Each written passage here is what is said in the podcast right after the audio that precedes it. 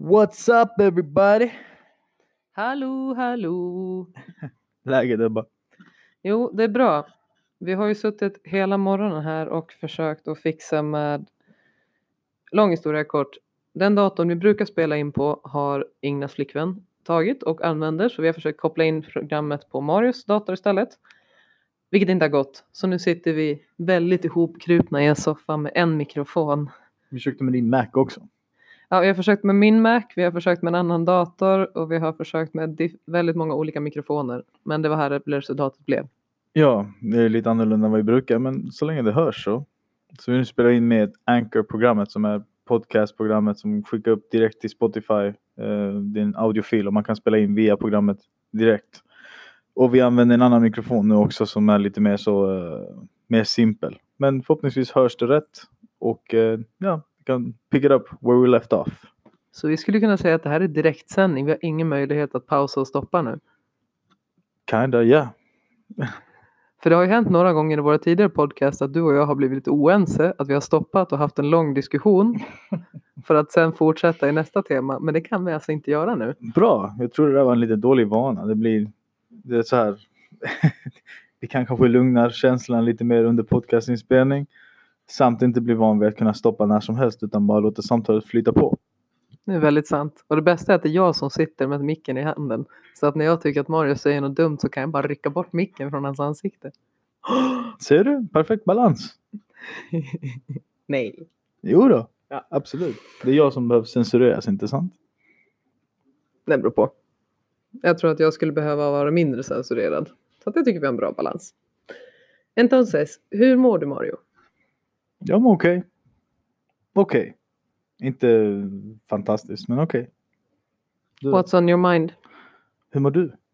Innan jag börjar. Det finns ju den här Honey, how was your day? Och det är Ja. den jag gör till dig nu. How was, how are my days? Kanske vore bättre fråga. Nej, man är instängd. Det finns mycket i personligt också som spökar. Ehm, vi ska snart åka till Sverige, I guess. Vilket för mig är ett dubbeleggat svärd. För jag, jag älskar Sverige, jag saknar Sverige och vill gärna vara i Sverige. Men att åka till Sverige och bara känna att jag gör mig själv besviken. Och jag känner att jag har misslyckats på något vis. Så, eh, men samtidigt, om man ska vara riktigt petig så eh, jag är, inte, jag är inte den snällaste personen mot mig själv. Jag kan, jag kan tycka hela min existens av ett enda stort misslyckande men sen klättrar man upp igen och så kan man se allting ljust. Så, eh, så på sätt och vis, ja, på gott och ont, vi tar oss igenom de här dagarna. En social revolt och en global pandemi åt gången. Och ja, såklart, och karantän också, så man kan inte ens få frisk luft. Och som om frisk luft vore, jag menar vi, vi har precis märkt nu att det är så jäkla dammigt här att vi måste börja ta ut madrasser och allting och dammsuga alltihop för nu börjar vi ha problem att andas här inne. För det är liksom smog och damm och instängt och vi går ju inte ut. Ja, när man tänker på det, vi går ju aldrig ut. Nej. Vi höll på att skapa massa damm nonstop. Jo men det var ju det jag tänkte på. Det är därför jag blev så överraskad. För vi har lyft upp ett av de stora duntäckena från källaren.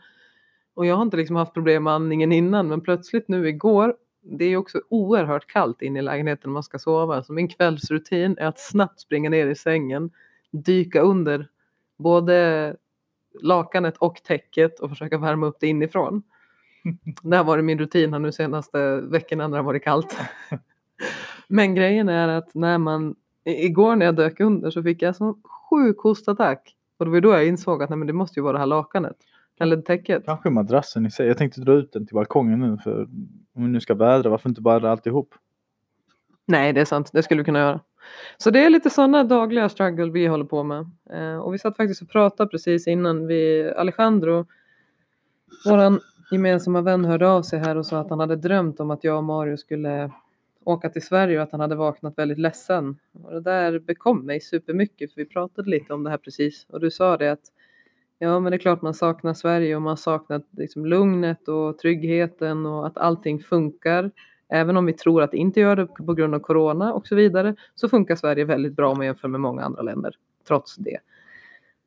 Men så sa Mario att eh, du, kommer, du kommer sakna det här så mycket när du åker sen. Ja, du också. Du kommer också sakna Chile på ett sätt som du inte riktigt inser just än. Jo men det var ju det du precis sa, det bara, Mm. du, kommer, du kommer sakna Chile så mycket. Och jag, jag kom in i den där tanken och jag tror faktiskt att det är så att man det är ett så annorlunda liv här, allting är så mycket mer flytande. Det finns väldigt lite planer långt i förväg, man bara tar allting som det kommer. Och hela livet, det är liksom på sin höjd att man, när man på måndagen så kan någon fråga, vad gör ni i helgen? Jag ska ha en konsert.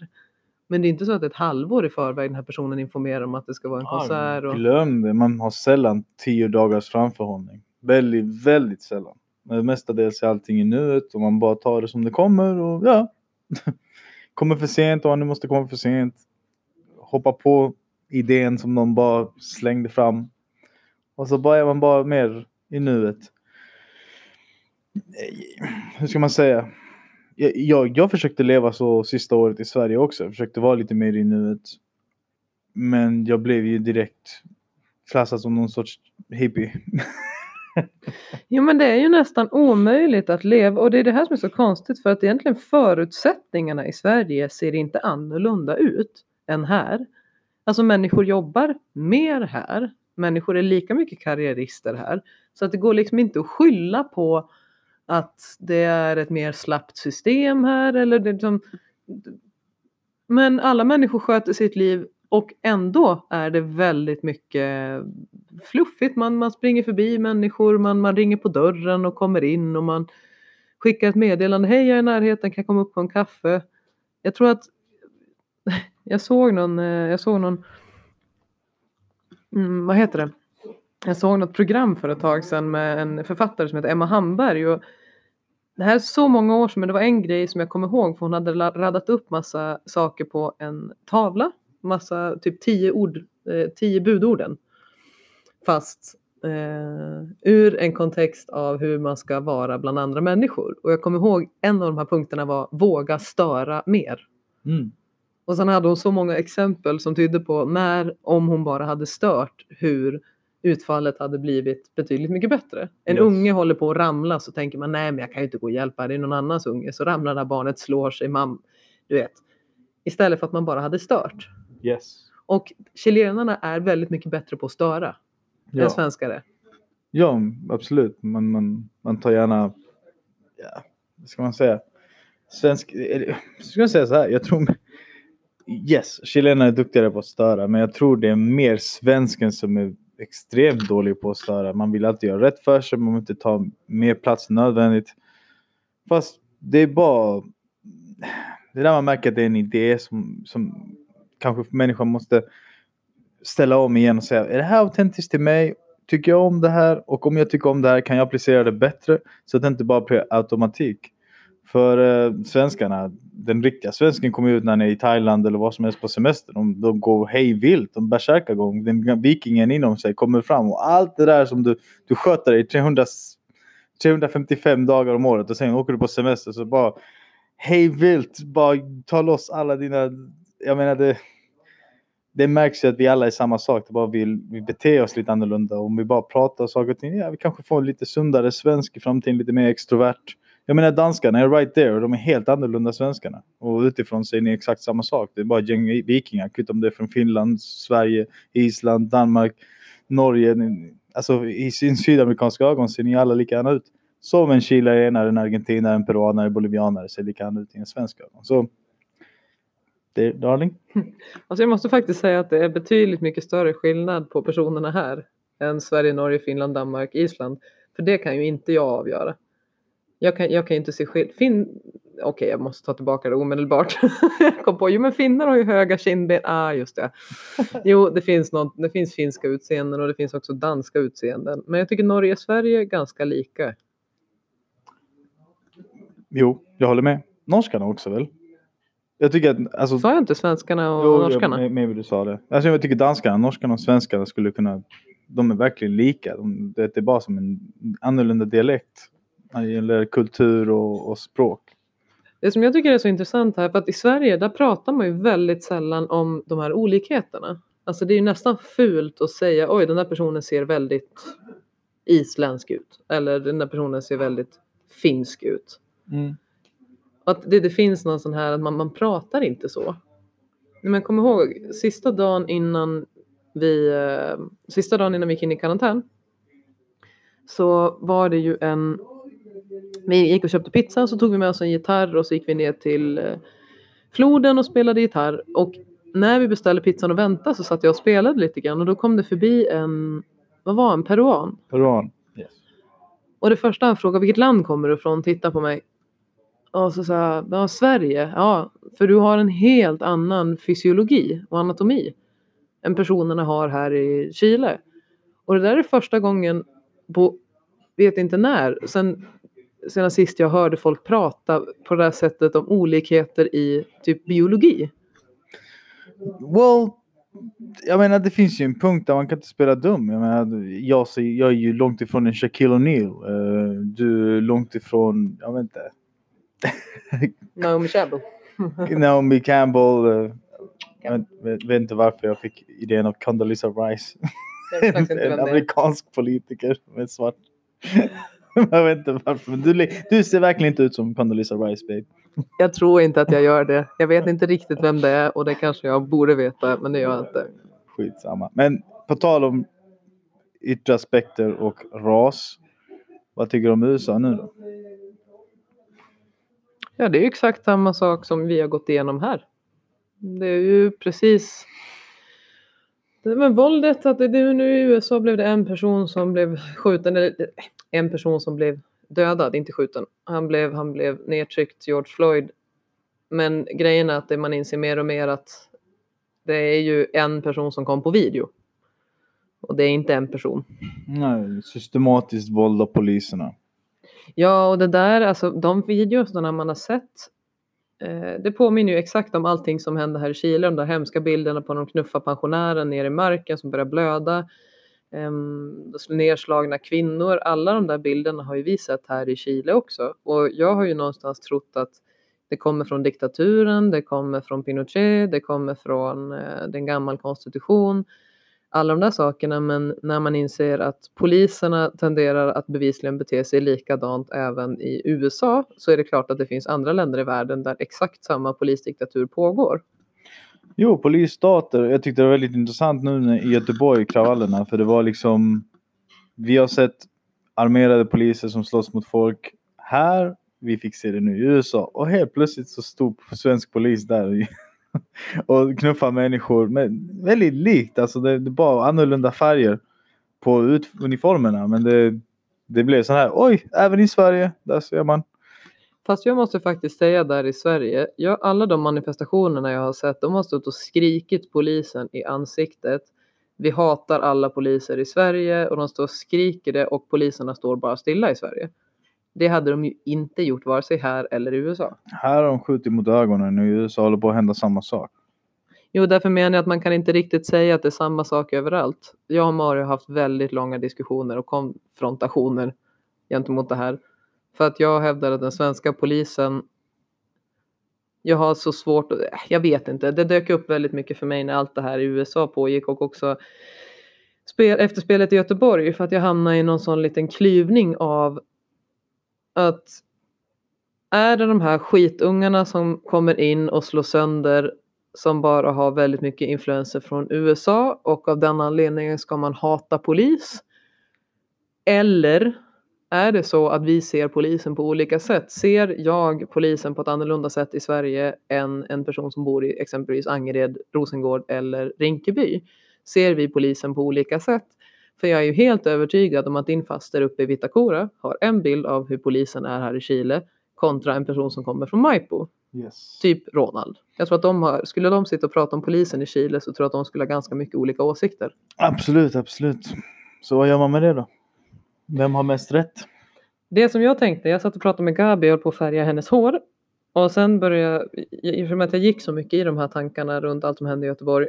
Men sen landade jag nog till slut i att jag tror att majoriteten av de som har problem med polisen i Sverige, nu kanske jag alltså verkligen ute på hal is här. Men när jag tänker på polisen i Sverige så tror jag mer att det är en influens från USA de här ungarna från förorterna har mer än att det är ett verklighetsförankrat eh, förtryck från polisen gentemot dem. För det jag tänkte på, det var det här jag berättade för Gabi, att eh, Eh, I Sverige, man hade jättemycket problem med ett område som heter Angered utanför Göteborg. Och man visste inte hur man skulle kunna komma närmare ungdomarna och hur man skulle få ett förtroende för polisen där ute. Så det man gjorde var att man målade om polisbilen. Så istället för polis så stod det Aina på den. Och Aina har jag alltid trott är just översatt polis, vilket det inte är, utan det är ju typ en motsvarighet till snutjävel. Ja. Alltså det, det är ju ett neråt, nerklankande ord mot polisen. Och det är det polisen, svenska polisen har skrivit på sina bilar för att komma nära ungdomarna i förorten. Det gick inte. Fast jag tyckte det var ganska smart.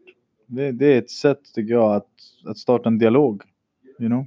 Innan man känner sig helt offerkoftad. Oj, det här är någon pejorativt mot oss. Jag tror det faktiskt var ganska smart av polis. Jag tycker det är ett väldigt tappert försök att försöka nå kidsen. För du kommer inte nå dem på något här vis om det kommer upp ett gäng vikingar armerade med vapen och försöka vara snälla när de har sett och hört och till och med deras kultur och deras identitet är lite antagonistisk gentemot polis.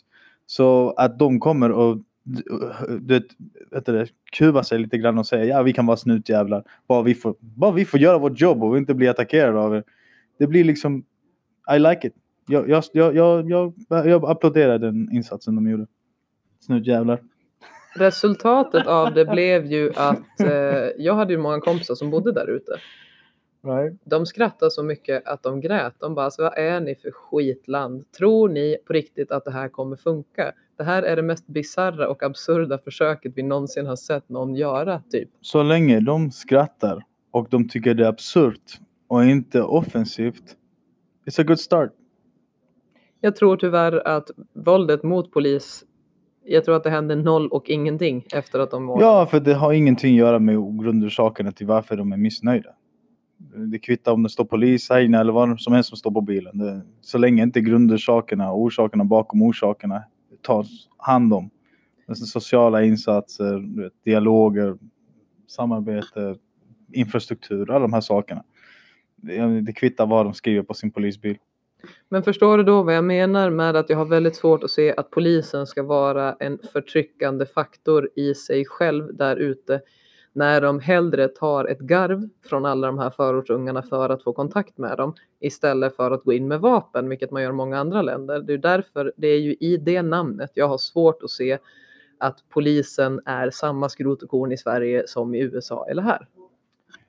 Jag tror att man kan bli väldigt skadad av eh, institution. Man kan bli institutionaliserad, alltså vare sig du är en patient eller den the caretaker. Och de har gjort många experiment, sociologiska experiment där folk blir lite psycho. Om du har vapen och andra inte har vapen och du har sköld och inte har sköld och du har hjälm och du har auktoritet. Och de tjafsar och, ja, ni har ju våld på monopol. Ni, ni får gärna använda betongen några gånger extra och mot de mjuka delarna på kroppen. Du slår för att det ska göra ont och du ska... Om, ja, alla de här små... Alltså det är deras träning. Det är deras metodik. Och i Pratar du deras som i... polisen. Ja, men vilken polis? Vilken som helst i hela världen. Hur, vet du hur alla utbildningar i hela världen på polisen ser ut? Går du runt med, med batong och vapen? babe? Jag har inte monopol på det, det har de. Är det jag menar? Jo, men det behöver inte säga att de är tränade för att liksom slå på mjukdel och slå för att skada. Ja, men det, vad jag menar är att det är lite mer komplext än att du bara ska automat, automatiskt respektera polis. Det är det du och jag växte upp med. Men varför ska du respektera polis när det enda du ser i orten av de du känner och din kultur är att det är polis som kommer och separerar familjer, det är polis som kommer och arresterar folk.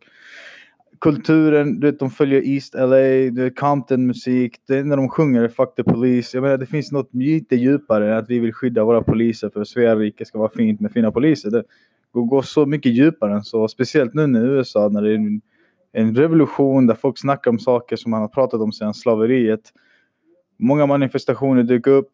Det man förstår den här manifestationen är att det finns rasism och polisen står bakom i USA. Så man vill göra en sorts eh, solidaritet till dem. Man gör en stor manifestation där kaos may ensue. Och där tydligen var det massa små ligister som började göra vandalism mer än protest. Och till och med själva protesterna stoppade ligisterna. Och det var de som gjorde mest attack mot poliserna. Med det sagt, när en mob möbeln, eller vad heter det? Ja, mobb. Ja, där mobben, då finns det en viss kaosaspekt som du inte riktigt kan skydda och skydda dig emot det. Man måste, där måste protest, alltså de som protesterar skydda sina egna och se till att ingen går loss. Och det gjorde de ju. Han här killen, vad heter? Alex, vad nu heter. Killen i vit tröja. De kunde inte säga den svarta killen, men killen i vit tröja. Så han i vit tröja eh, försökte stoppa ligisterna och vandalismen. That's awesome. Och i Sverige behövdes det bara en dag. Här behövs det, behövdes det flera månader för att kunna lugna ner the mob. För här vill det är så många som är fattiga och arga och det här var deras enda chans att kunna plundra och få hem, ja, fylla kylen. Fast Mario, jag tycker att du gör en väldig otjänst i att du sätter likhetstecken mellan det som händer i Göteborg och det som händer här. Alltså jag tycker det är, det är nästan en skymf mot de människorna här. Det behövdes inte en dag i Sverige. Alltså jag tror verkligen inte det. De där personerna, liksom, det är ingen människa i Sverige som ofrivilligt lever som människorna här. Alltså i Sverige, du kan hamna på gatan men det är ofta väldigt många delar, alltså du har, det har ramlat mellan stolarna under lång tid. Och ja, men man har ramlat mellan stolarna under lång tid och det blir indirekt ett val av att ha det livet. För att om du hade sökt hjälp och sagt nu vill jag förändra mitt liv, jag vill ha hjälp.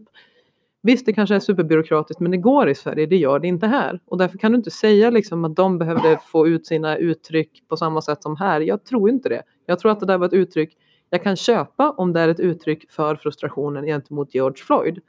Att nej, vi svarta är less på den här skiten, det är samma sak i hela världen, vi vill stötta USA för där är det som värst. Vi vill ut och visa vår support.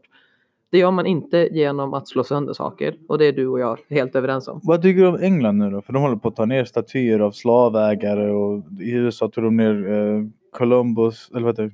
Christopher Columbus-statyn och de håller på att först- alltså det är en revolution som håller på att hända. De håller på att ta ner ikoner, de håller på att förstöra saker och ting för en sak. Är det onödigt våld? Alltså ta ner statyer? Nej. Alltså då hade det varit fel att riva Berlinmuren och det hade varit fel att det hade ju också, det är ju också en historisk Bra referens babe. Ja, nej men att det, det går ju inte att säga att det är fel att visa ett misstycke gentemot ett tidigare regim. Alltså så, då blir det ju aldrig någon förändring. Mm. Och att visa ett misstycke gentemot slavägarna eller de stora personerna runt om i världen genom att dra ner statyerna, det tycker inte jag är vandalism, det tycker jag är påbörjan av förändring. Men att slå sönder butiker som små privatägare har startat och allt det här, det är ju fel. Men grejen är att jag har, och det, det kanske återigen är jag, men jag har ju inte träffat någon hittills som har legitimerat plundringarna av affärerna. Det gör ju inte du heller. Både du och jag säger ju vi förstår fenomenet, varför det händer. Eh, men det är inte sagt att man håller med om att det är rätt. Man har inte med om det är rätt, men jag tycker det är naivt att inte förvänta sig det. Och, och, och ge det en viss tid. Jag, jag, när allt det här hände i Chile, jag tänkte det här, de förtjänar två, tre veckor av att kunna fylla kylen och göra lite vad de vill. För de, är så, de har varit så ostracized utanför samhället så länge. De har aldrig haft en röst. Det här är det enda de har. Likaså i Rodney King, East LA, där på eh, slutet av 80-talet, början av 90-talet.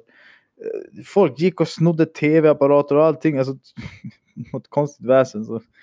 I don't know. Livsstandarden gick upp för massa människor på illegal väg. Men vad ska man göra? Det var, det var ju en riot. Och, och samma sak.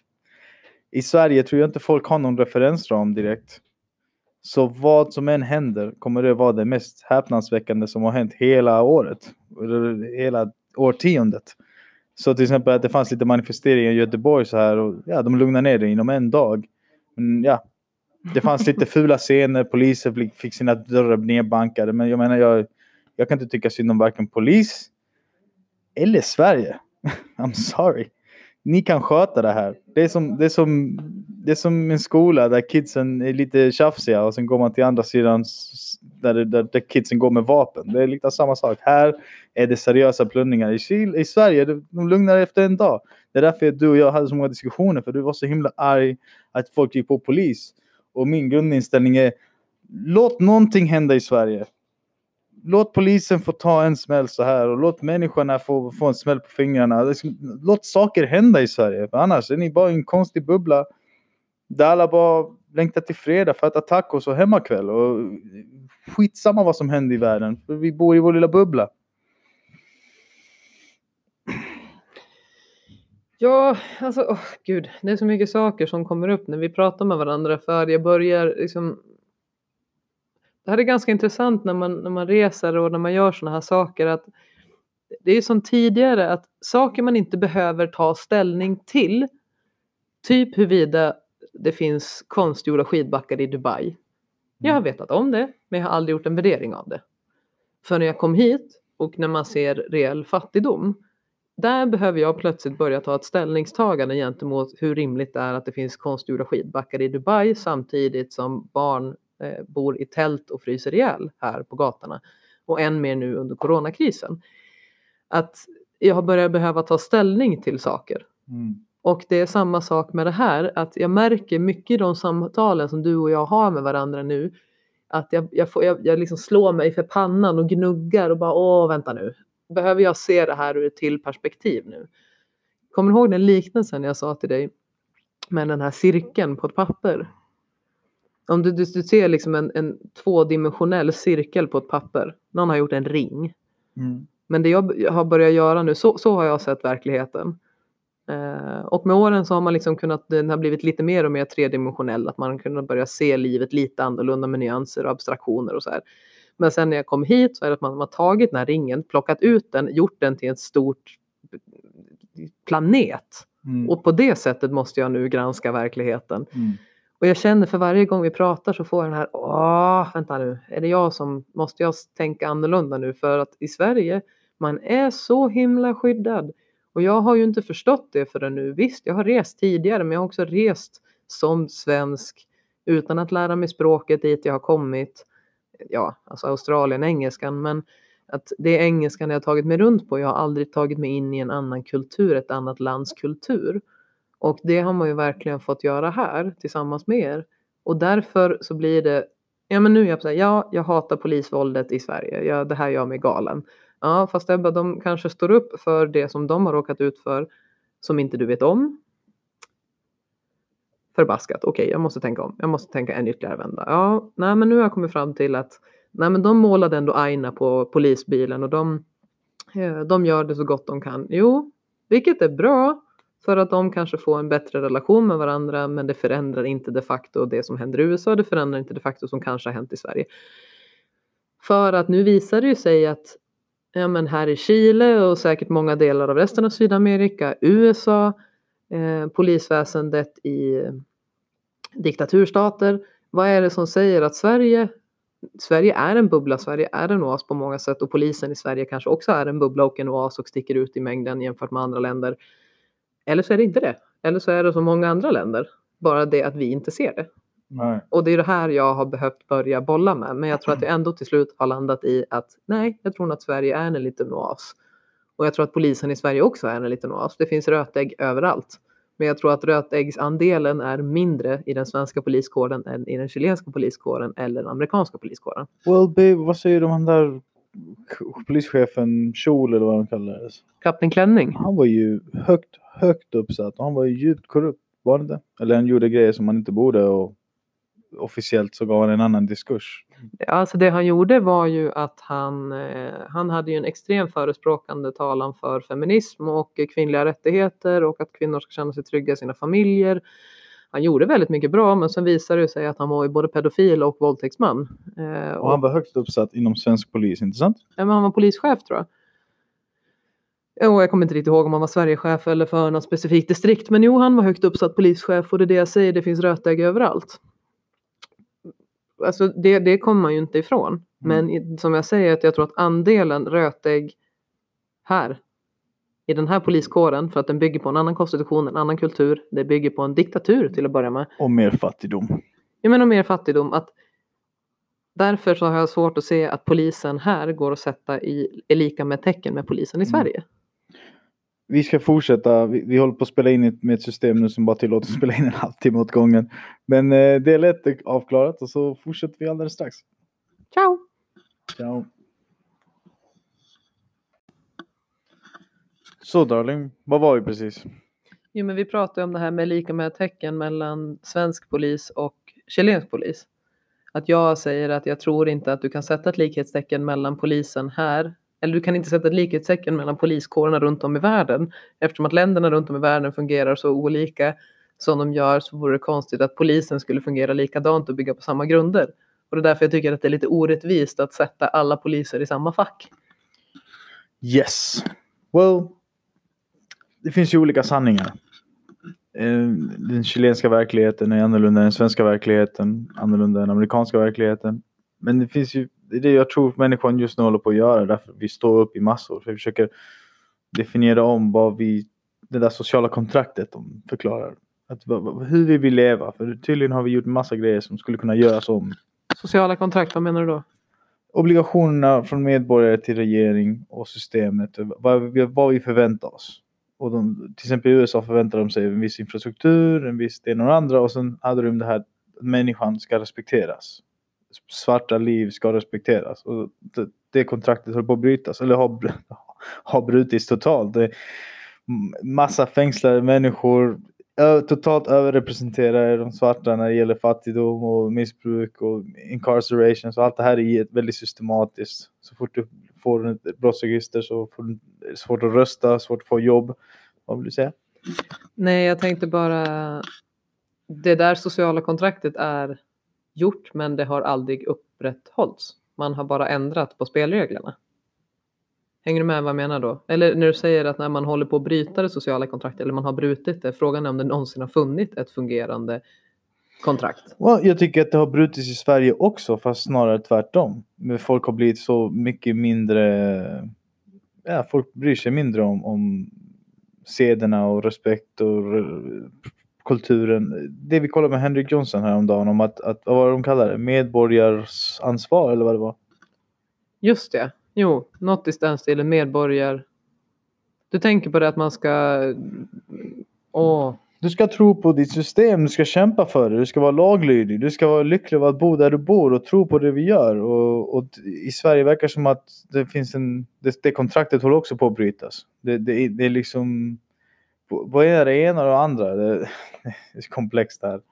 Jo men den här killen som vi lyssnar på heter Henrik Jönsson och är en fristående entreprenör och eh, Libertarian, eh, debattör. ja, han är eh, fristående entreprenör och samhällsdebattör, Nice. libertariansk sådan. Där fick vi in det rätt. Vilket är ganska nice att lyssna på honom för att man vet redan hur han ser på världen. Det är ett bra förhållningssätt. Han har redan satt sin ståndpunkt och därför är det lätt att följa med honom. Det går att kritisera om man inte står på samma sida av ideologin som han gör. Um, men han är, han är informativ och bra så jag rekommendation att gå in och titta lite på honom. Henrik Jönsson heter han. Um, varför kom vi in på det här? För det här med polisvåld, right? Och varför folk står upp. Och det finns... Eh, får, jag, får jag vända på det? Kör. Du pratade med min brorsa igår och du sa att dina idéer från Sverige skulle vara tagna som totalt kommunistiska här i Chile. Jo, Kan du utveckla det? För jag vet att typ, normala omständigheter i Sverige, right? Skulle du aldrig sätta ditt namn bredvid kommunism. nope. Så, och här skulle du vara kommunist. Jo, men det är ju återigen för att lagsystemet fungerar så olika här och i Sverige. Alltså när jag pratar om hur långt Sverige har kommit med personer som är väldigt rödröstande här så tittar de ju på mig och tycker att det är helt verklighetsfrånvänt. Alltså de vi bor med till exempel med bidragssystem. De blev ju helt liksom, ställda och bara men, men, men, men det här är ju orimligt. Hur kan, hur kan staten ge pengar till Alltså att Sverige är så socialistiskt och så omhändertagande att det är bortom allt vad alla människor här någonsin vågar drömma om. Och säkerligen långt bortom det en väldigt många också här skulle vilja ha. Även om de är vänsterröstande här i Chile. Och det är det jag menar med det systemet som jag, liksom, jag tror att vi pratade om det häromdagen. med eh, Ja, men vad vi har för till exempel skattesystem i Sverige. Du har ju ofta hävdat att du tycker att det ska finnas ett tak för hur mycket pengar man får tjäna. Medan jag säger nej, det ska inte finnas ett tak över hur mycket man får tjäna, men det ska vara reglerat utifrån hur mycket skatt du betalar. Och För att jag tycker att du alltid ska kunna, du ska gynna de människorna som vill viga sitt liv åt att forska eller vad de nu anstränger sig för att göra och de människorna ska ha belöning för, du ska kunna tjäna på det. Men det som man har insett sedan jag kom hit är att ett system där klasserna, där, där skillnaderna blir för stora och du ständigt dag efter dag kommer i kontakt med skillnaderna. Du och jag pratade om Kuba häromdagen. Mm. Att du upplever att man är så himla trygg och lugn på Kuba, att det är väldigt säkert på Kuba. Yes. Säkert, säkert är det. Och, och till och med de mest kritiska kubanerna kunde inte um, ifrågasätta det. Vissa skulle säga klart det är säkert, det finns ju militär på gatorna och sånt. Well, yes. Likaså i Japan. Jag menar likaså där. Det är också väldigt låg brottslighet. Men på Kuba var det väldigt säkert. Säkrare än i Sverige. Jo men det jag menar med det är att man kan ju också uppleva att det, det här är mina egna teorier. Det här är ingenting som jag har läst någonstans. Jag, nu sitter jag och gissar här. Tänker högt. Men jag tänker att på Kuba, i och med att alla människor där är så fattiga, det finns väl ingen som sticker ut som är liksom miljardärrik på Kuba? Eller? No, not really. Alltså det är, det är väldigt fattigt men det är across the board. Och du kommer inte dö av hunger, inte, så vi inte någon ekonomisk kollaps. Som har varit många gånger i deras historia. Men normalt sett så har, kommer du ha tillgång till mat och du har allt det som behövs för att, för att leva. Liksom. Du, du, du går säkert på Kuba. Vad som än händer kommer du inte dö. Men det jag frågar är, finns det miljardärer på Kuba som är infödda kubaner som har tjänat pengar genom kubansk väg och blivit miljardär? Är det möjligt på Kuba? Nej, det är nog ganska omöjligt det där. Man måste ha utifrån. Nej, nej, det, det, går inte. Folk är fattiga på Kuba. Man, Jo. lever, man lever genom svarthandel och, och turism och släktingar som har kommit ut ur Kuba som hjälper till. Det är en stor del av vad som får ekonomin och, och gå. Alla turister som kommer inte bara investerar sina pengar utan också lämnar allt de- har. De brukar vet, komma med väskan fylld och lämna den tom. För man bara ger bort allting. För det är bara en ö som vet, man, man, man respekterar Kuba för vad de gjort. Och ja, man, vill, man vill stödja folket. För folket bor där. Och de har alltid bott där. Jo men för det dit jag ville komma med allt det här är att om man kollar i ett land där alla är fattiga, det finns inga gigantiska skillnader. Det är ganska spännande att du upplever sån trygghet när du går i det landet trots att det är så fattigt. Alla människor där ser att du är rik, vi är fattiga. Och visst, det är klart att det har med poliser på gatan, militär att göra och alla de här sakerna. Men jag tror också att det finns en del i det som innebär att människorna som födda, uppvuxna, bor på Kuba att du inte ständigt blir påmind att du är mindre värd än någon annan. Nej. Att det finns ingen person som går omkring i liksom eh, blir buren på bår och eh, sitter på sin kungatron utan alla är alltså alla är jämställda med varandra och jämlika med varandra mer eller mindre. Och det är därför jag tänker, och på sätt och vis så Sverige är ju likadant förutom att det inte är fattigt men du har ett spann mellan rik och fattig som är väldigt mycket mindre i Sverige än i väldigt många andra länder. Och därför tror jag att du heller inte... Därför blir det tryggt i Sverige, det blir säkert. Att även om du kan gå med avund och åh, jag hade också velat ha den här bilen som Eh, gubben som bor vid havet har. Men du har fortfarande ett decent liv. Men medan här så jobbar de fattiga för de rika. När du ser en rik och en fattig på gatan så kan du direkt urskilja det, du, du ser direkt vad människorna mer eller mindre jobbar med, var de kommer ifrån, vad de har för etniskt ursprung. Och det sjuka är att de, desto vitare du blir, desto rikare är du generellt, desto mörkare du blir, desto fattigare är du generellt. Det är så det ser ut här. Men faran när det kommer till de här stora klasskillnaderna är att du ständigt dagligen blir påmind över allting du inte har. Men är du ett land som Kuba, förvisso fattigt, men du blir inte påmind över det i din närmsta närhet. Telefonen visst, men där kan du hela tiden legitimera med att det är en annan värld. Sverige är samma sak. Du har ett bra liv, mat på bordet, alla de här sakerna. Därför blir det heller inte så stora uppståndelser. Men när det kommer till länder som här, det är gigantiska skillnader, där finns en fara, tror jag. Ju mer heterogent ett samhälle är socioekonomiskt och kulturellt så kommer det finnas mer friktion. Så basically ju mer annorlunda vi är kulturellt, ekonomiskt, fysiskt så kommer vi ha mer friktion. Det kommer finnas mer vi mot dem. Vem är den? Jag känner inte den personen, ser konstig ut. Medan om du bor ute på landet där alla heter Svensson eller Nilsson eller Karlsson och alla har känt varandra sedan ett par generationer tillbaks och det bor kanske tusen pers. det kommer vara jättebra plats och ja, växa upp. Dina barn får växa upp där. Det är väldigt, väldigt säkert eh, gentemot om du skulle leva mitt i stan där det är en blandning av massa människor. Det finns massa grejer som händer och ja, större chans för missbruk eller kriminalitet eller ståhej. Mm. Jo, nej, men för det är det jag menar. Men det, för det du frågade i början var att du skulle, du skulle se dig som ganska men, högerliberal i Sverige men medan du är väldigt, väldigt vänster här. Och det handlar ju om systemen. Mm. Sverige är ett väldigt socialistiskt system att även de mest högerröstande, även de mest högerpolitikerna är fortfarande socialister. Det finns ju väldigt få partier, det finns inget riksdagsparti. Eh, medborgerlig samling är väl det som kommer närmst till att bli mer libertarianistiskt och mer reducera skatter och att men de är ju å andra sidan också för att skatterna ska gå till sjukvård, infrastruktur, försvarsmakt och eller rättsväsende och eh, skola. Mm. Det är det de tycker att skatterna ska gå till. Och så att visst, där, där har du ett mer libertarianistiskt parti. Men i övrigt, alla riksdagspartier vi har idag är socialistiska. Det är ingen som säger att vi tar bort skatterna, vi drar ner skatterna till 10 procent. Det är ingen som vill.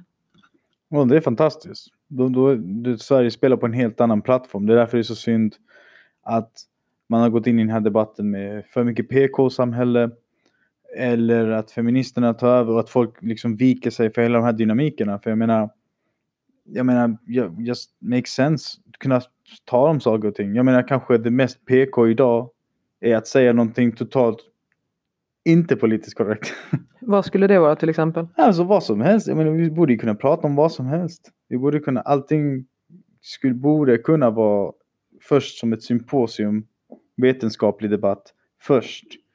Och sen kan vi kanske lägga på vår egen moral och agenda och känsligheter. Men jag menar, när man diskuterar om vad ett ord ska tolkas som.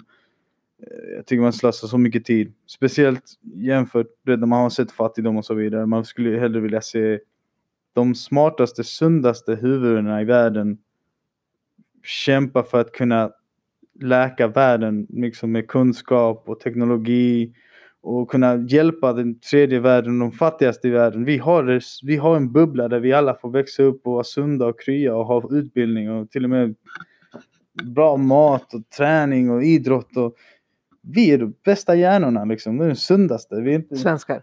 Ja, ja, alltså sunda europeer skulle jag vilja påstå. Ja, och amerikaner. Jo, men du pratar inte utifrån ditt chilenska härkomst, du pratar utifrån din svenska när du säger vi. Självfallet. Ja. uh, här finns det väldigt briljanta hjärnor också, men de tas ganska snabbt ut utomlands så de jobbar liksom i USA eller Europa. Så det, där är the brains. Det är, istället för att diskutera om hur, hur pass vilken offerkofta som går hit eller dit. För jag tycker båda sidorna är offerkofta. Liksom. Jag tycker ingen sätter sig ner och verkligen debatterar. Alla viker sig och sen snackar de skit om varandra bakom varandras ryggar. Kan man inte bara ta tag i saker och ting? Jag vet att du har lite åsikt om det här temat. Nej men fast det är ju det här som är så problematiskt för att det är det här, det går ju inte. När du säger men ta diskussionen, men hur ska jag ta diskussionen när resultatet över det blir att jag människan vänder på ryggen och går. Och det är utifrån att jag har sagt att nej, eh, ja men till exempel en, ehm, en diskussion om feminism. Nej, alltså när människor frågar är du feminism? Då frågar jag det beror på vilka värden du lägger i ordet feminism. Mm. Ja, men det finns bara ett värde och det är utifrån det som står i Svenska Akademins ordbok. In that case, då skriver jag under på det. Då är jag absolut feminist.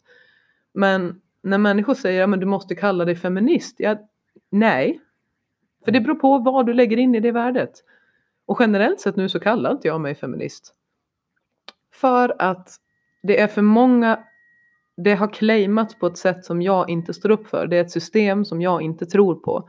Jag tror inte på den här, och sen är det de som skriker mest, det är de som, det är de som hörs mest, rimligtvis. Det är klart att det finns mycket, alltså jag har inte gått in i Feministiskt, parti, feministiskt initiativs partiprogram. Men det jag har sett i debatter, det jag har sett i diskussioner är jag tror inte på det här systemet. Jag tror inte på det de för fram. För att det är för många paradoxer. Mm. Det är liksom, vi pratar om svenska femininiteten, vi pratar om kvinnans rättigheter, vi pratar om eh, hur mycket vi hatar män som slår kvinnor. Men när det kommer till frågor om islam, när det kommer till ja, men den här diskussionen som eller debatten jag såg mellan eh, ordförande, tror jag det var, för muslimska feministiska samfundet i Sverige och med Gudrun Schyman, det är ju det vidrigaste jag har sett. För att den här kvinnan ställde ju Gudrun Schyman mot väggen och den här kvinnan sannolikt relativt nyanländ i Sverige, pratade halvdan svenska. Och man ser att Gudrun Schyman gör ett litet leende så fort hon öppnar munnen för hon inser okej, okay, jag kommer kunna använda min språkliga akademiska bakgrund till att bara köra ut den här personen och inte behöva bemöta en enda kritik som hon kommer med. Men det som den här feministiska eh, kvinnan från Muslimska samfundet sa att men var är ni i våran sak med hedersvåld, med hedersmord? Med att vi blir förtryckta. Om en kvinna inte vill bära slöja i Sverige så ska hon inte behöva göra det. Men ni tillåter ett system där vi är tvungna att tvinga våra barn, alltså våra flickor att bära slöja. Ni tillåter det. Mm. Och det här är, jättes, alltså här är en supersvår diskussion. För man, alltså att förbjuda slöjan Jaha, ska du sätta in en mössa i det? Vad, vad, vad, är en slöja? Vad är det du ska förbjuda? Du kan förbjuda att inte, alltså du, får, du måste få visa ansiktet. Och det tror jag att det redan finns en lag på i Sverige. Du, du kan inte gå med skyddat ansikte, dolt ansikte. Det får du inte. Och alltså borde... Har de gjort en ny lag för det? Nej, den är jättegammal. Jag tror att det är så här. Vi kan kolla upp det sen och återkomma.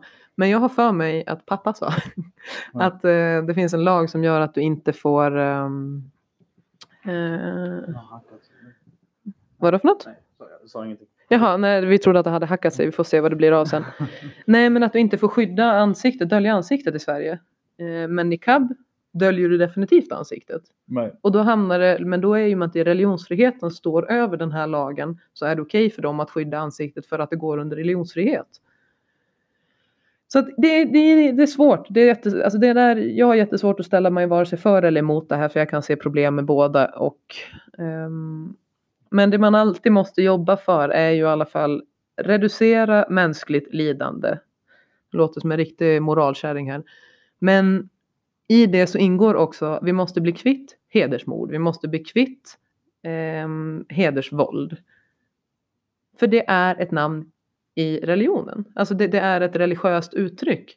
Mm. Och även om det inte grundar sig i religionen i sig så är det åtminstone ett uttryck för. Exakt. Alltså jag tänker, man måste, man måste snacka med alla människor på planeten och snacka liksom the human race.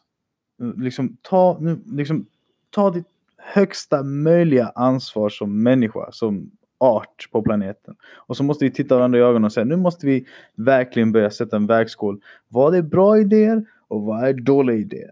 Och hedersmord, all that bullshit, könsstympning och allt det fucking shit. Det klipper vi av direkt.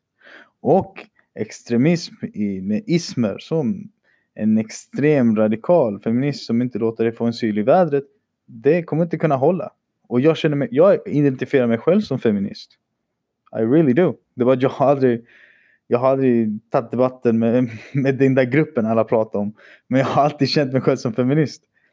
Det jag hör ofta mestadels är att folk är extremt trötta på PK-samhälle och radikal vänsterfeminism för det blir verkligen tribe, en tribal mentalitet och finns inte rum för diskussion.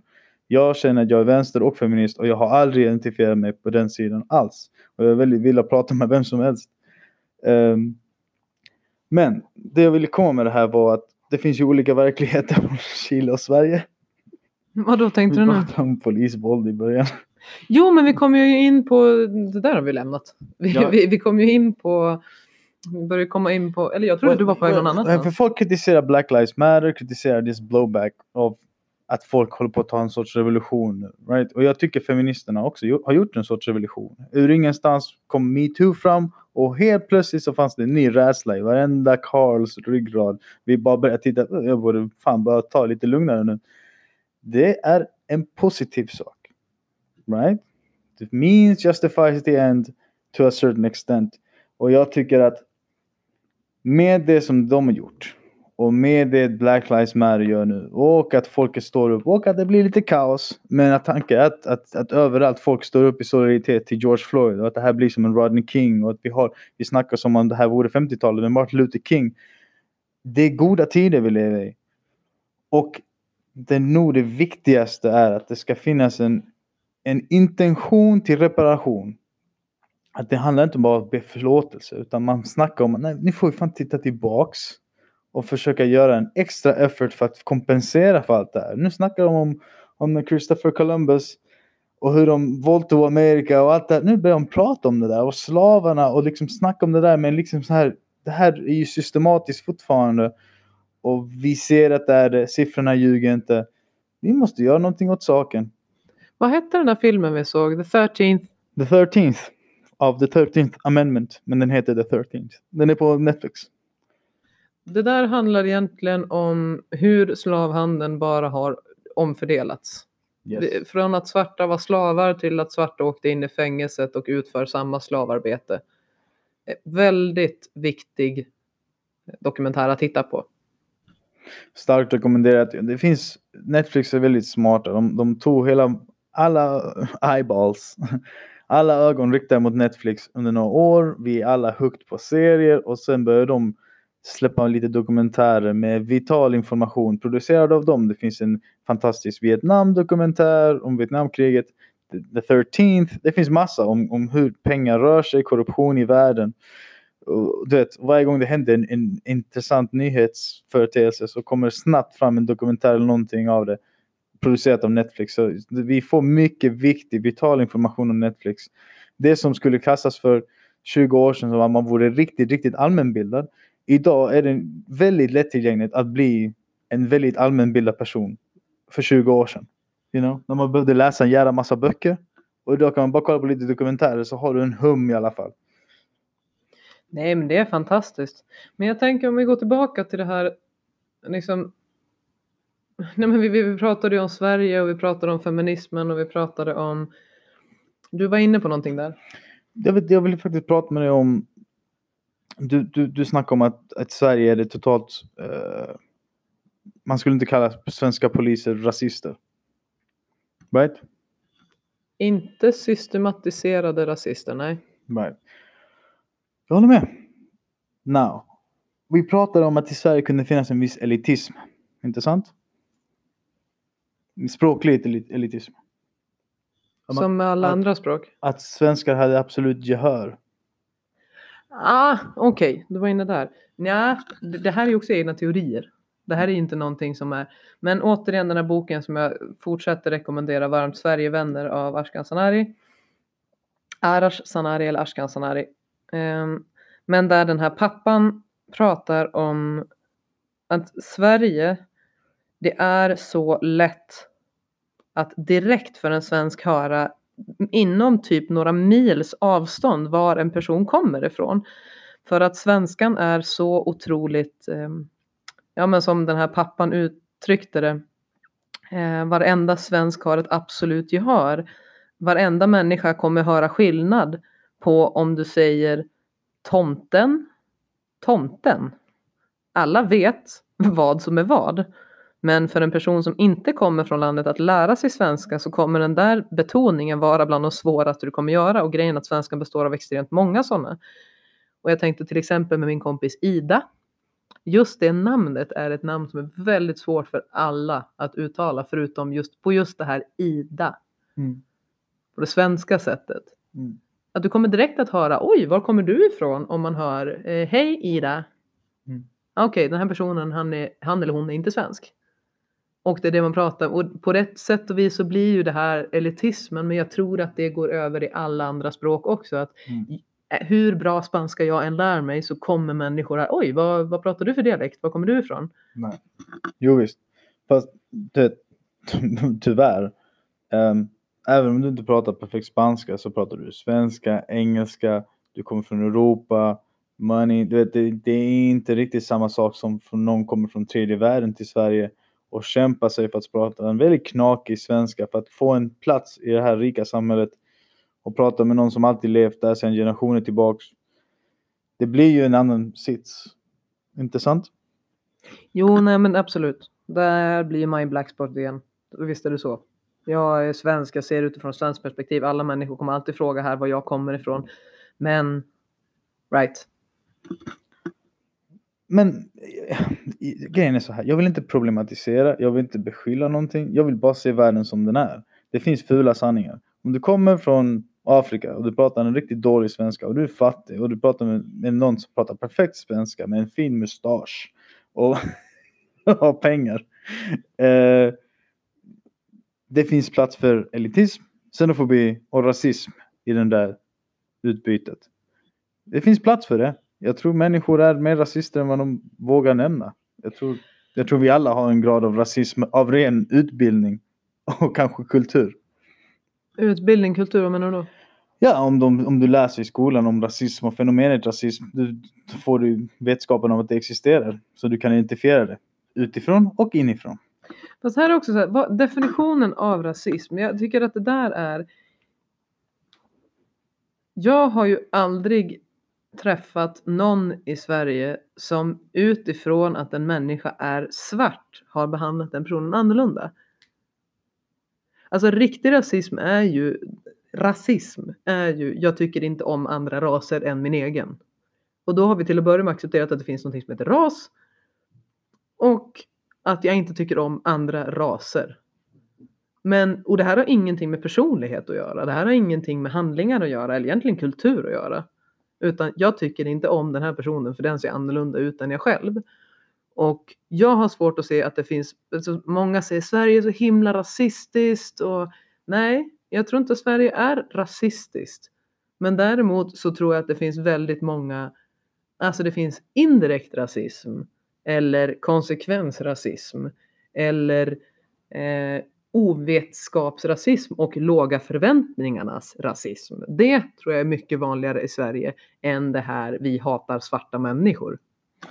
Ja, men alltså grejen är, who cares? Jag menar, det, det, det kommer ju alltid bli några lynchningar i Sverige, liksom Ku Klux Klan eller sånt där. Så, så det, vi har, en, eller någon, det finns, jag känner att att det inte är ett fenomen man borde frukta. Man borde bara acceptera det och hitta strategier för att handskas med det via dialog. Jag menar som sagt, de, de bra idéerna måste överleva de dåliga idéerna. Vi kan inte frukta rasism som att det skulle vara ett bra argument gentemot motsatsen. Jag menar ras, rasism, det doesn't make any sense. Det, jag tycker det är väldigt, väldigt, väldigt lat sätt, som man kallar det, Henrik Jönsson, alltså kollektivism. Väldigt lat och negativt sätt att hålla samman i en viss grupp. Nej, vi håller samman mot dem där. Vi håller samman vid vår flagga eller vår kultur eller det min farfar snackade om. Så här. Släpp det där, låt oss göra något annat där vi alla är tillsammans och jobbar tillsammans. Och vad det nu blir för jättejobbiga utmaningar så tar vi hand om det tillsammans. Som till exempel fundamentalistisk teologi som jag tycker vi alla borde bara titta varandra i ögonen och bara kan vi stoppa med den här skiten. Vi, vi har vetenskap, vi håller på. Vi pratade precis om elitism och språk. Ja, vad ska jag förklara? Ja, religiösa fanatiker. Religiösa fanatiker som är villiga att kanske gå med i en extremgrupp och bomba sig. Eller, eller du vet, inte bara i den doktrinen utan det finns crazy people från alla hörn och kanter. Här i Chile, de religiösa fanatikerna, de låter som crazy people på gatorna och de snackar bara nonsens. Och, och de drar samhället bakåt i tiden. De vill totalt, abort totalt olagligt och du vet, alla de här grejerna. Man ska abstinens. Come on. Du säger någonting? Vadå med abstinens tänkte att, du? Att inte ha sex till exempel. Go fuck yourself. Jag fattar ingenting nu. Religiösa fanatiker som begär, du vet evangelicals eller whatever här som, som är nära i, stat, alltså nära i regeringen och de, de har en agenda som inte går bak och framvänd agenda som drar tillbaka allting. Vad är deras agenda? Att som går i hand med deras religion, babe. Alltså, Men varför, var, hur kom sex in i det här? Det... Jag snackar om deras idéer. Om det ena och andra och andra. Hedersmord hamnar där också. Ha inte sex, go and fuck yourself, sa du. Alltså, ja, ja, vad- jag, jag, blir, jag blir kränkt av det de säger. Så jag, kallar, jag säger till dem, go fuck yourselves. Ta er abstinens and go fuck yourselves. Men vad var det du menade med abstinens? Att inte ha sex. Många religiösa fanatiker säger att man inte ska ha sex. Det är det säkraste sättet att inte ha några sjukdomar. Du ska bara ha sex för att ha barn. Så du har 12 barn men du har inte sex. Right, nu är jag med dig. Och den här podcasten är snart slut. Vi återkommer Nästa gång. med ett till avsnitt alldeles strax. Ja. Yes. Okej. Så, nu är vi tillbaka igen. Hello. Hej! Det vi pratade om innan, efter alla missförstånd om abstinens och sex och det ena med det tredje. Nu, nu har vi kommit till till förståelse med varandra. Men jag tänker på det som du var inne på när du pratade om att de goda idéerna måste vinna över de dåliga idéerna och det får inte vara bundet till vare sig religion eller ideologi eller statsskick eller motsvarande. Det är så jag tolkar dig. Yes. Basically yes. Och det är därför det är så viktigt att man tar de här diskussionerna. Att vi, vi kan inte låta, ja men som rasism, vi kan inte låta rädslan för rasism vinna över till exempel hedersvåld. Absolut, exakt. Och sen finns det, no, som, sen finns det andra eh, fält där man borde applicera samma disciplin. Ja, för det är det där, nu, nu, är vi, nu är vi överens med varandra, för det är så jag tolkar det och det är det du menar när du, när du pratar om alla de här grejerna. Yes. Yes, låt oss lita på dialog och konversation och mod och intellekt och, och att, att tillsammans kan vi få fram bättre lösningar. För det är ju det där jag har tänkt jättemycket på med jag, jag blev så överraskad när jag såg hela den här historien runt Paolo Roberto. Vi har ju redan pratat om det här. Men för det som verkar ha hänt är ju att då Paolo Roberto har köpt sex av en kvinna som det nu har kommit fram till är en vad man kallar lyxprostituerad kvinna från Polen. Um, kan inte mer om historien runt det, men det utslaget som jag såg efter det där gjorde mig så sjukt bekymrad. Eller utfallet, utslaget. Eh, utfallet av det här gjorde mig så himla bekymrad att helt plötsligt så börjar man se Eh, ja, men på Instagram och på Facebook att personer som äger ICA-butiker har börjat skriva vi bojkottar Paolo Roberto och så börjar man slänga mat och man börjar rea ut mat och det blir liksom en lynchmobb som går genom hela Sverige för att en känd personlighet har köpt sex. Och framförallt att den här kända personen råkar ha gjort någonting som generellt sett är lagligt i väldigt många andra länder men inte råkar vara det i Sverige. Så hans enda synd är att han har gjort någonting som är lagligt i andra länder som inte är lagligt i Sverige. För att vi har en moralkompass som säger åt oss att det där är fullständigt fel. Men hade det bara varit i ett annat land så hade han fortsatt att kunna hålla på med sitt liv som det är gjort. Och det jag fann som var så intressant var att jag pratade med de chilenska personerna som vi har här och sa, men vad skulle hända om en chilensk tv-profil hade haft sex med en prostituerad? Och de tittade på varandra och började garva. Så sa de, ja, pff, eh, ja han hade väl, man hade väl lynchat honom lite grann men sen hade det inte hänt så mycket mer. Och sen när jag förklarade om det som hade hänt Paolo Roberto i Sverige, de satt ju bara och gapa och skratta och sa, men det där är ju, det där är ju helt sjukt ju. Mm. Alltså att Paolo Roberto är ju kanske en av de största solskenshistorierna när det kommer till integration, assimilering, eh, integrering och även ja, integrering kanske framför allt. För det är inte så att han har släppt sitt italienska arv. Det är det han har byggt hela sin karriär runt i Sverige. Han, liksom, han integrerar Italien i Sverige. Eh, han kommer från en taskig, inte taskig bakgrund, men en ganska bråkig uppväxt. Han enligt sig själv var en av de mest kriminella personerna i Stockholm på, när han var i 20-årsåldern. Och att ha tagit sig därifrån till att bli, vad, vad vann han för titlar i boxningen? Ja, han vann ett världsmästerskap. I någon, i en, det finns många. Men han blev world champ. Ja, nej men så han har ju alltså vunnit en World Champ-titel i boxning. Sen är han kock och har startat restauranger. Han har sitt eget matmärke och håller också på allt med sin träning. Har jag missat någonting nu? Eh, skådespeleriet och alla tv, tv-program va? Just det. Robinson och det. Hade inte han Robinson? Och Farmen tror jag också. Jo, både Robinson och Farmen. Så det är ju en känd tv-personlighet som verkligen har gått som invandrarbakgrund.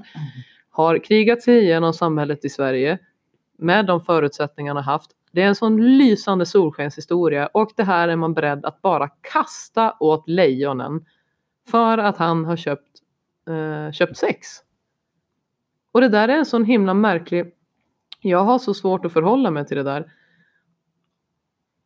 Och hela den här sexköpsgrejen, det där är väldigt komplext. Att jag förstår också att om man legaliserar sex så finns risken att koppleri och alla de här sakerna blir större. Men någon del av mig har ju också, jag lyssnade på en podcast av Navid Modiri, Hur kan vi? Där han har ett samtal med en kvinna som jobbar som sexarbetare i Sverige.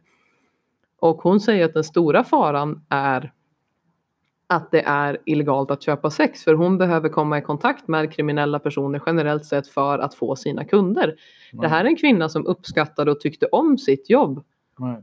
Och jag har lyssnat på en annan dokumentär av också en prostituerad kvinna som sa att Nej, men jag är inte särskilt begåvad, jag är inte särskilt smart.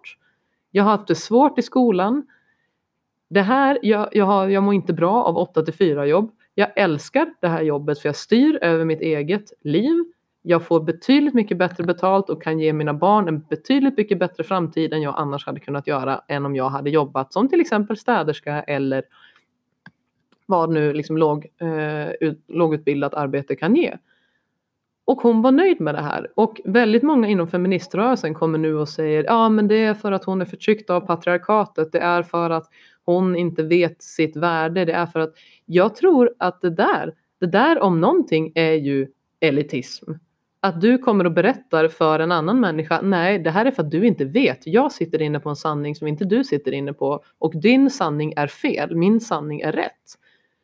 Och det här, jag tycker man måste börja problematisera de här sakerna och man måste börja lyfta upp samtalet om legalisering av till exempel prostitution. Vi pratar om att vi är ett väldigt liberalt och öppet land. Ja, men och nu har man ju kommit undan det fint i att det är lagligt att sälja sex men inte lagligt att köpa sex. Men det resulterar ju i att du behöver ta kontakt med kriminalitet för att du ska kunna genomföra dina, din verksamhet. Och jag kan se väldigt mycket problem. Jag, vet inte, jag, jag är inte så himla sugen på att ha horhus i Sverige. För det, det rimmar väldigt dåligt överens med min bild av hur jag tycker att Sverige ska se ut. Men i samband med det så har jag ju också en idé över ens fullständiga fri och rättigheter över sin egen kropp. Om jag vill köpa sex, då ska jag få göra det. Om jag vill sälja sex, då ska jag få göra det. Mm. Alltså för att det ingår i rättigheterna över att bestämma över mig och min kropp. Då vill man ju inte ha något kriminellt element runt det alls. I Tyskland kan ju damerna pensionera sig. Uh, jag menar det, det blir ju inte mer elegant än så. De, de, de har till och med en pension. Uh, jag, jag, jag lyfter hatten där. Jag, jag har alltid, jag tycker inte om the whole mechanics. Jag har alltid tyckt om lagarna vi har i Sverige. Men jag börjar inse att det finns faktiskt ännu smartare sätt. Än att bara problematisera kunden. Alltså för att hon ska kunna göra det hon behöver göra så behöver hon kunder. Och kunderna, ja, det blir ju fel. Det, sky- det skyddar dem inte alls. Egentligen, det bara problematisera deras sits lite ytterligare. Ja, alltså för i och med att Ja, för rent krasst blir det ju så här, det är inte ens så att de behöver ta kontakt med kriminella personer för att få kunder, för varenda kund de är i kontakt med är kriminell i och med att det är en, hand, en kriminell handling att köpa sex. Exakt. Men kontenta, det här är ju en jättekomplex fråga och jag har snurrat och vridit och vändit mycket på det här och jag har haft oerhört många ilskna diskussioner med vänner som är feminister och säger att kvinnorna far illa i, en, i ett land där man legaliserar sex, sexköp. Eh, ehm, men jag, jag, jag ställer mig frågande till, jag undrar hur mycket man egentligen har gjort studier på och faktiskt frågat. För som det verkar som i Nya Zeeland har man frågat de kvinnorna generellt sett som arbetar som sexköpare. Hur skulle ni vilja att det här var utformat? För det gäller ju faktiskt er. Och sen verkar det som att de har utformat en lag med avkriminalisering av sex. Jag tror inte att det är legaliserat, det finns någon skillnad på det där. Men enligt den här personen som var med i Navid Modiris podcast så sa hon att det systemet Nya Zeeland har att avkriminalisering är betydligt mycket bättre än legalisering av någon anledning. Det finns en skillnad där. Att jag tror att man måste, börja, man måste börja öppna blicken för att vi i Sverige är väldigt vana över att staten tar hand om oss. För vi förväntar oss att när någonting skiter sig i vårt liv så finns det en storebror som hjälper oss. Mm. Och ja, men till exempel, och, och i och med att vi har det här välfärdssamhället som vi har. Eh, på någonstans på 70-talet eller 80-talet eller vad det nu var så bestämde man för att mm, Eh, när man åkte motorcykel var man tvungen att ta hjälm. Man lagslog det. Och väldigt många av de här motorcykelknuttarna de upplevde att det här var en väldig inskränkning på deras rättigheter över deras egna kroppar och var väldigt upprörda över att man blev av med frihetskänslan och det ena med tredje. Men det slogs igenom, vilket resulterade i att betydligt färre motorcyklister dog. Betydligt färre motorcyklister behövde vård. Betydligt färre motorcyklister råkade sätta andra människor i en dödlig situation. Alltså, allting reducerades. Och visst, det där är en inskränkning av staten på individen. Men i och med att vi har ett samhälle som bygger på välfärd, det vill säga att jag betalar min grannes ehm, jag betalar min grannes sjukhusräkning och hen betalar min. Så måste man också, staten måste alltså, sätta lagar på vissa av de här sakerna för att annars blir det oansvarigt gentemot skattebetalarnas pengar. Mm. Och det där är ju en bra sak. Ja, men vi har lagslaget att man måste ha hjälm när man åker motorcykel i Sverige. På samma sätt så har vi lagslaget att man, eh, man ska ha föräldra, föräldrapenningen ska delas upp. Det, den minsta parten måste minst ha 90 dagar tror jag. Och det kan också upplevas som en väldigt inskränkning på, på individernas fri och rättigheter. Men om man ser konsekvensen av att det inte är så så blir kvinnor mindre anställningsbara. För att en kvinna i 30-årsåldern som söker en man som söker ett jobb tillsammans med en man i 30-årsåldern så är risken väldigt stor att man kommer tänka som privat företagare med ett litet företag. Den där kvinnan kommer sannolikt skaffa barn snart. Jag har inte råd med det här, därför Mm. väljer man mannen. Mm. Och därför tycker jag att det är bra system med till exempel tre månader.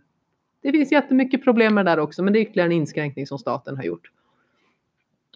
Och slutligen det här med prostitution. Det är klart att ja, det kanske är en väldig inskränkning på kvinnans rättigheter och mm, rättigheter inför sin egen kropp, men det kan också vara för the greater good i det stora. Men jag tror att man måste åtminstone lyfta upp diskussionen att kunna prata om det här. Ja visst. Ja, men grejen är att det, det blir ju lite befängt, inte bara på hur världen i stort ser ut och Sverige är väldigt litet. Men också på historien om sex. Jag menar att- man får slå igenom en, en lag som att man inte, det blir bara nästan onaturligt eller ohistoriskt. Jag menar, det är en av de mest äldsta professionerna och de, det, det, man har inte hela sanningen bara för att man har en lag som i teori ska skydda tjejen. Man har inte hela sanningen. Man har aldrig hela sanningen. Så det, jag tror man får liksom gå, gå baklänges lite grann. Jo, men för hela anledningen till att vi kom in på allt det här är ju att jag, jag upplever mycket i Sverige att det finns ett, ett samtalsklimat som är väldigt stängt. Det är så fort jag, om jag yppar att nej, men jag tror man måste problematisera det här med sexköpslag, att man eventuellt eh, om man tror på rättigheter och friheter för individen så skulle man i så fall legalisera prostitution. Det är ju, det är ju så, du är ju dödsdömd om du skulle säga det där. Och jag berättade precis för dig när vi var på föreläsningar på, kommer ihåg en föreläsning på universitetet där vi hade en föreläsare som eh, pratade om könsdiskriminering i Sverige och vilka följder och konsekvenser det har och där hon sa att det är fruktansvärt att kvinnor i Sverige känner sig tvungna att, eh, eller kvinnor i västvärlden eller hur det nu var formulerat, att eh, de känner sig tvungna att bli, eh, jobba inom könsstereotypa yrken såsom sjuksystrar. Att vi vill ha ett samhälle där vi främjar möjligheterna till att välja icke könsstereotypa yrken. Och där det till och med formuleras i skollagen att vi ska motverka könsstereotypa mönster. Men problemet är om, då har man ju utgått ifrån faktan att vi människor är exakt lika varandra, både kvinnor och män är lika varandra och om det inte är så, det kanske finns biologiska faktorer som gör att generellt sett fler kvinnor väljer att gå och bli sjuksystrar och generellt sett män tenderar att gå mer mot det naturvetenskapliga hållet. Det kan finnas biologiska fakta eller biologiska faktorer som gör det. Och då var det en kille i föreläsningssalen som lyfte upp det här och sa att ja, kan det ha att göra med biologisk eller biologiska faktorer? Och sen började han förklara om den här dokumentären som jag tjatat på dig om också med Hjärnevask. Mm. Där de förklarar att med de mest, eh, de mest jämställda länderna i världen tenderar att ha de absolut största segrega- alltså köns... Eh, vad heter det? Könsstereotyp eh, anst- anställning. Så kvinnor blir sjuksystrar och män blir ingenjörer basically. Ja, just det. Eh, könsstereotypa arbeten. Att i väst så tenderar kvinnor att välja mer könsstereotypa arbeten och män mer könsstereotypa arbeten än till exempel Indien som är ett betydligt mycket mer patriarkalt styre. Men han hann ju inte komma så här långt i sin förklaring innan. Men man måste komma ihåg, i de fattiga länderna, man tar det jobbet man kan fixa för att man försöker överleva. I de rika länderna, vi börjar snacka om hur kränkt man känner sig gentemot hur... Alltså jag fattar ingenting. Jag, vad händer med mentaliteten om det finns ett krig? Och helt plötsligt bara gör man vad fan man måste göra. Vad händer med det? Hur kan det komma sig att vi är så fråntagna från sanningen eller verkligheten att vi kan sätta oss och verkligen ta undan oss en sån här debatt? I don't, I don't really don't get it. Det finns barn som dör av svält och vi snackar skit. Det här tycker jag det där är verkligen en grej som har gått upp för mig sedan jag kom hit till Chile. Att jag hade ju så mycket problem och jag var så frustrerad över saker i Sverige. Jag behövde inte vara mer här än två veckor innan jag så här, oh, okej, okay, nu är det bara att vara tyst äh, och börja fundera om på vad som egentligen är problemen. Sen får man inte glömma att det här är reella problem i Sverige som får fruktansvärda konsekvenser. Det är det jag verkar vara lite out of touch. Jag menar min polare Jens har tjatat om det här för över 10-15 år. Han snackade om feministerna hit och hit och dit och jag som feminist försökte skydda feministerna. Bara, äh, det, det, det, de är inte så extrema och om de nu är det så kommer det jämna ut sig i mitten sen. Det kanske behövdes en extrem våg. Jag är tacksam för den. Men jag bara informerar mig nu att de håller på att slå igenom massa lagar och om Paolo Roberto blir lynchad och han är Alexander Bard heter han. Uh, han likaså. That's not good. That's not good at all. Nej, och nu med Alexander Bard, jag har inte lyckats, jag, jag, har inte läst igenom det där. Han gjorde ju en protest, eller han hade skrivit en tweet som var i kritik mot Black Lives Matter-rörelsen. Och jag har inte lyckats få tag i den tweeten, men det där är ju en av de mest hatade männen i Sverige, också efter metoo. Han skrev väldigt kontroversiella uttalanden runt metoo. Han skrev mycket om att kvinnor är hysterikor och man kan inte, liksom man kan inte tro på dem. Och det var väldigt hård retorik, men inte nödvändigtvis osann. Mm. Alltså att det, det, är en retorik, ja men det var en grej han skrev, sen när blev helt plötsligt alla kvinnor eh, 100% trovärdiga? När blev de bara goda? Det är klart på samma sätt som finns män som är rötägg, för det har vi alla accepterat som en samhällssanning. Det är väl klart som sjutton att det finns kvinnor som är rötägg också. Det är sant. Det är också en grej jag, ironiskt nog, jag insåg jag typ bara i år. Jag var väldigt blåögd och jag hade en diskussion med min polare och han sa, och han är lite äldre, Alejandro då. Ja. Han bara, mannen du måste förstå, kvinnorna är fienden. De är, de är the enemy. Och jag bara, fan jag har aldrig sett på det sådär. Men det var ju bara naivt, blint av mig. Jag tror att, att, att kvinnan ska vara alltid genom god. Bara att man, bara, varför skulle hon vara det? Hon är lika människa som vem som helst. Jag borde ha samma misstro som jag har som vem som helst, vilken snubbe som helst. Och det är en grej jag tror man måste bara inse. vi, vi är alla människor. Kvittar vad du har mellan benen. Nej, och det är ju den där den stora diskussionen för att i, idag är det väldigt svårt att kritisera. Det är svårt att kritisera feminism, det är svårt att kritisera invandring, det är svårt att kritisera kvinnor. Det är svårt att kritisera. Det är väldigt många saker som i Sverige idag är oerhört problematiskt att kritisera. För att det är heliga det heliga rum. Och jag är rädd för den där utvecklingen och många diskussioner jag har haft med människor säger men du är ju inte antifeminist men jag har haft ganska många hårda diskussioner om det här. Medan där, där jag kan mer känna, men jag vet inte, jag har ju pratat med dig mycket om det här men jag är ju en kvinna som definitivt har råkat ut för ganska mycket eh, dömande utifrån att jag inte är en stereotyp kvinna. Jag har ju fått ganska mycket käftsmällar i mitt liv för eh, som följd över att jag är stor, jag är stark, jag har fått höra väldigt mycket kommentarer om hur manlig jag är, jag är manhaftig. Jag ser ut som en kar, jag beter mig som en kar. Jag vet, det är väldigt mycket så här eh, kvinnligt och manligt som man alltid har blivit itutad. Um, och då när tjejer kommer och säger till mig att Nej, men du har aldrig blivit utsatt för det här, det är därför du inte kan se det på samma sätt som mig.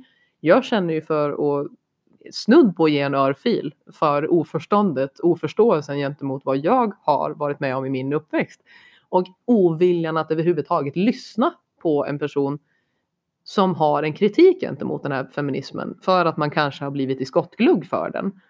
Och nu säger inte jag att feminismen är orsaken till att jag har hamnat i den här situationen jag är.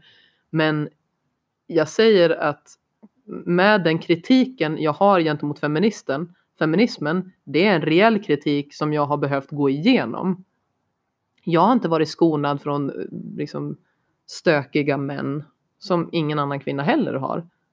Jag har inte varit skonad från könsstereotypa roller och placeringar och kategoriseringar som ingen annan kvinna heller har. Men lik förbaskat så sitter jag med en ganska stor kritik gentemot hur feminismen berörs i Sverige idag. Eller hur, vilken, vilken form den tar och vilken rörelse den tar. För jag tror inte på det systemet som de håller på att komma ut med nu. Och det är det här som gör mig så sjukt bekymrad. Jag tror till exempel att hela den här metoo-rörelsen var helt fantastisk, fantastisk initialt. Jag tyckte att det var jättebra det som kom upp. Det var många saker som gick upp för mig som jag inte alls hade tänkt på tidigare. Jag fick sorgarbeta ganska mycket runt den här processen av metoo. Och jag tror att väldigt många män blev medvetna. Jag inte bara tror, jag vet det. Eh, för jag har märkt en enorm skillnad sen hela metoo-rörelsen gjort. Eller hela metoo-rörelsen och jag tror att många kan skriva under på det. Somliga tycker att vi betalade ett väl högt pris för det där, att konsekvenserna blev för stora än vinningen. Själv står jag någonstans i mitten. Alltså utfallet som det har blivit, jag tror inte på det, för jag tror att det kommer komma en rekyl. Där männen är riktigt less. När vi håller, liksom när feminismen står och blankar, som bankar huvudet blodigt i betong och skriker om orättvisor och skickar ut de männen som vill stå vid sidan av dem och skrika för att de är män då tror jag att man är på väg mot ett ganska farligt samhälle. Vi måste kunna prata om vilka idéer vill vi förespråka, vilka idéer vill vi ha, precis som du var inne på.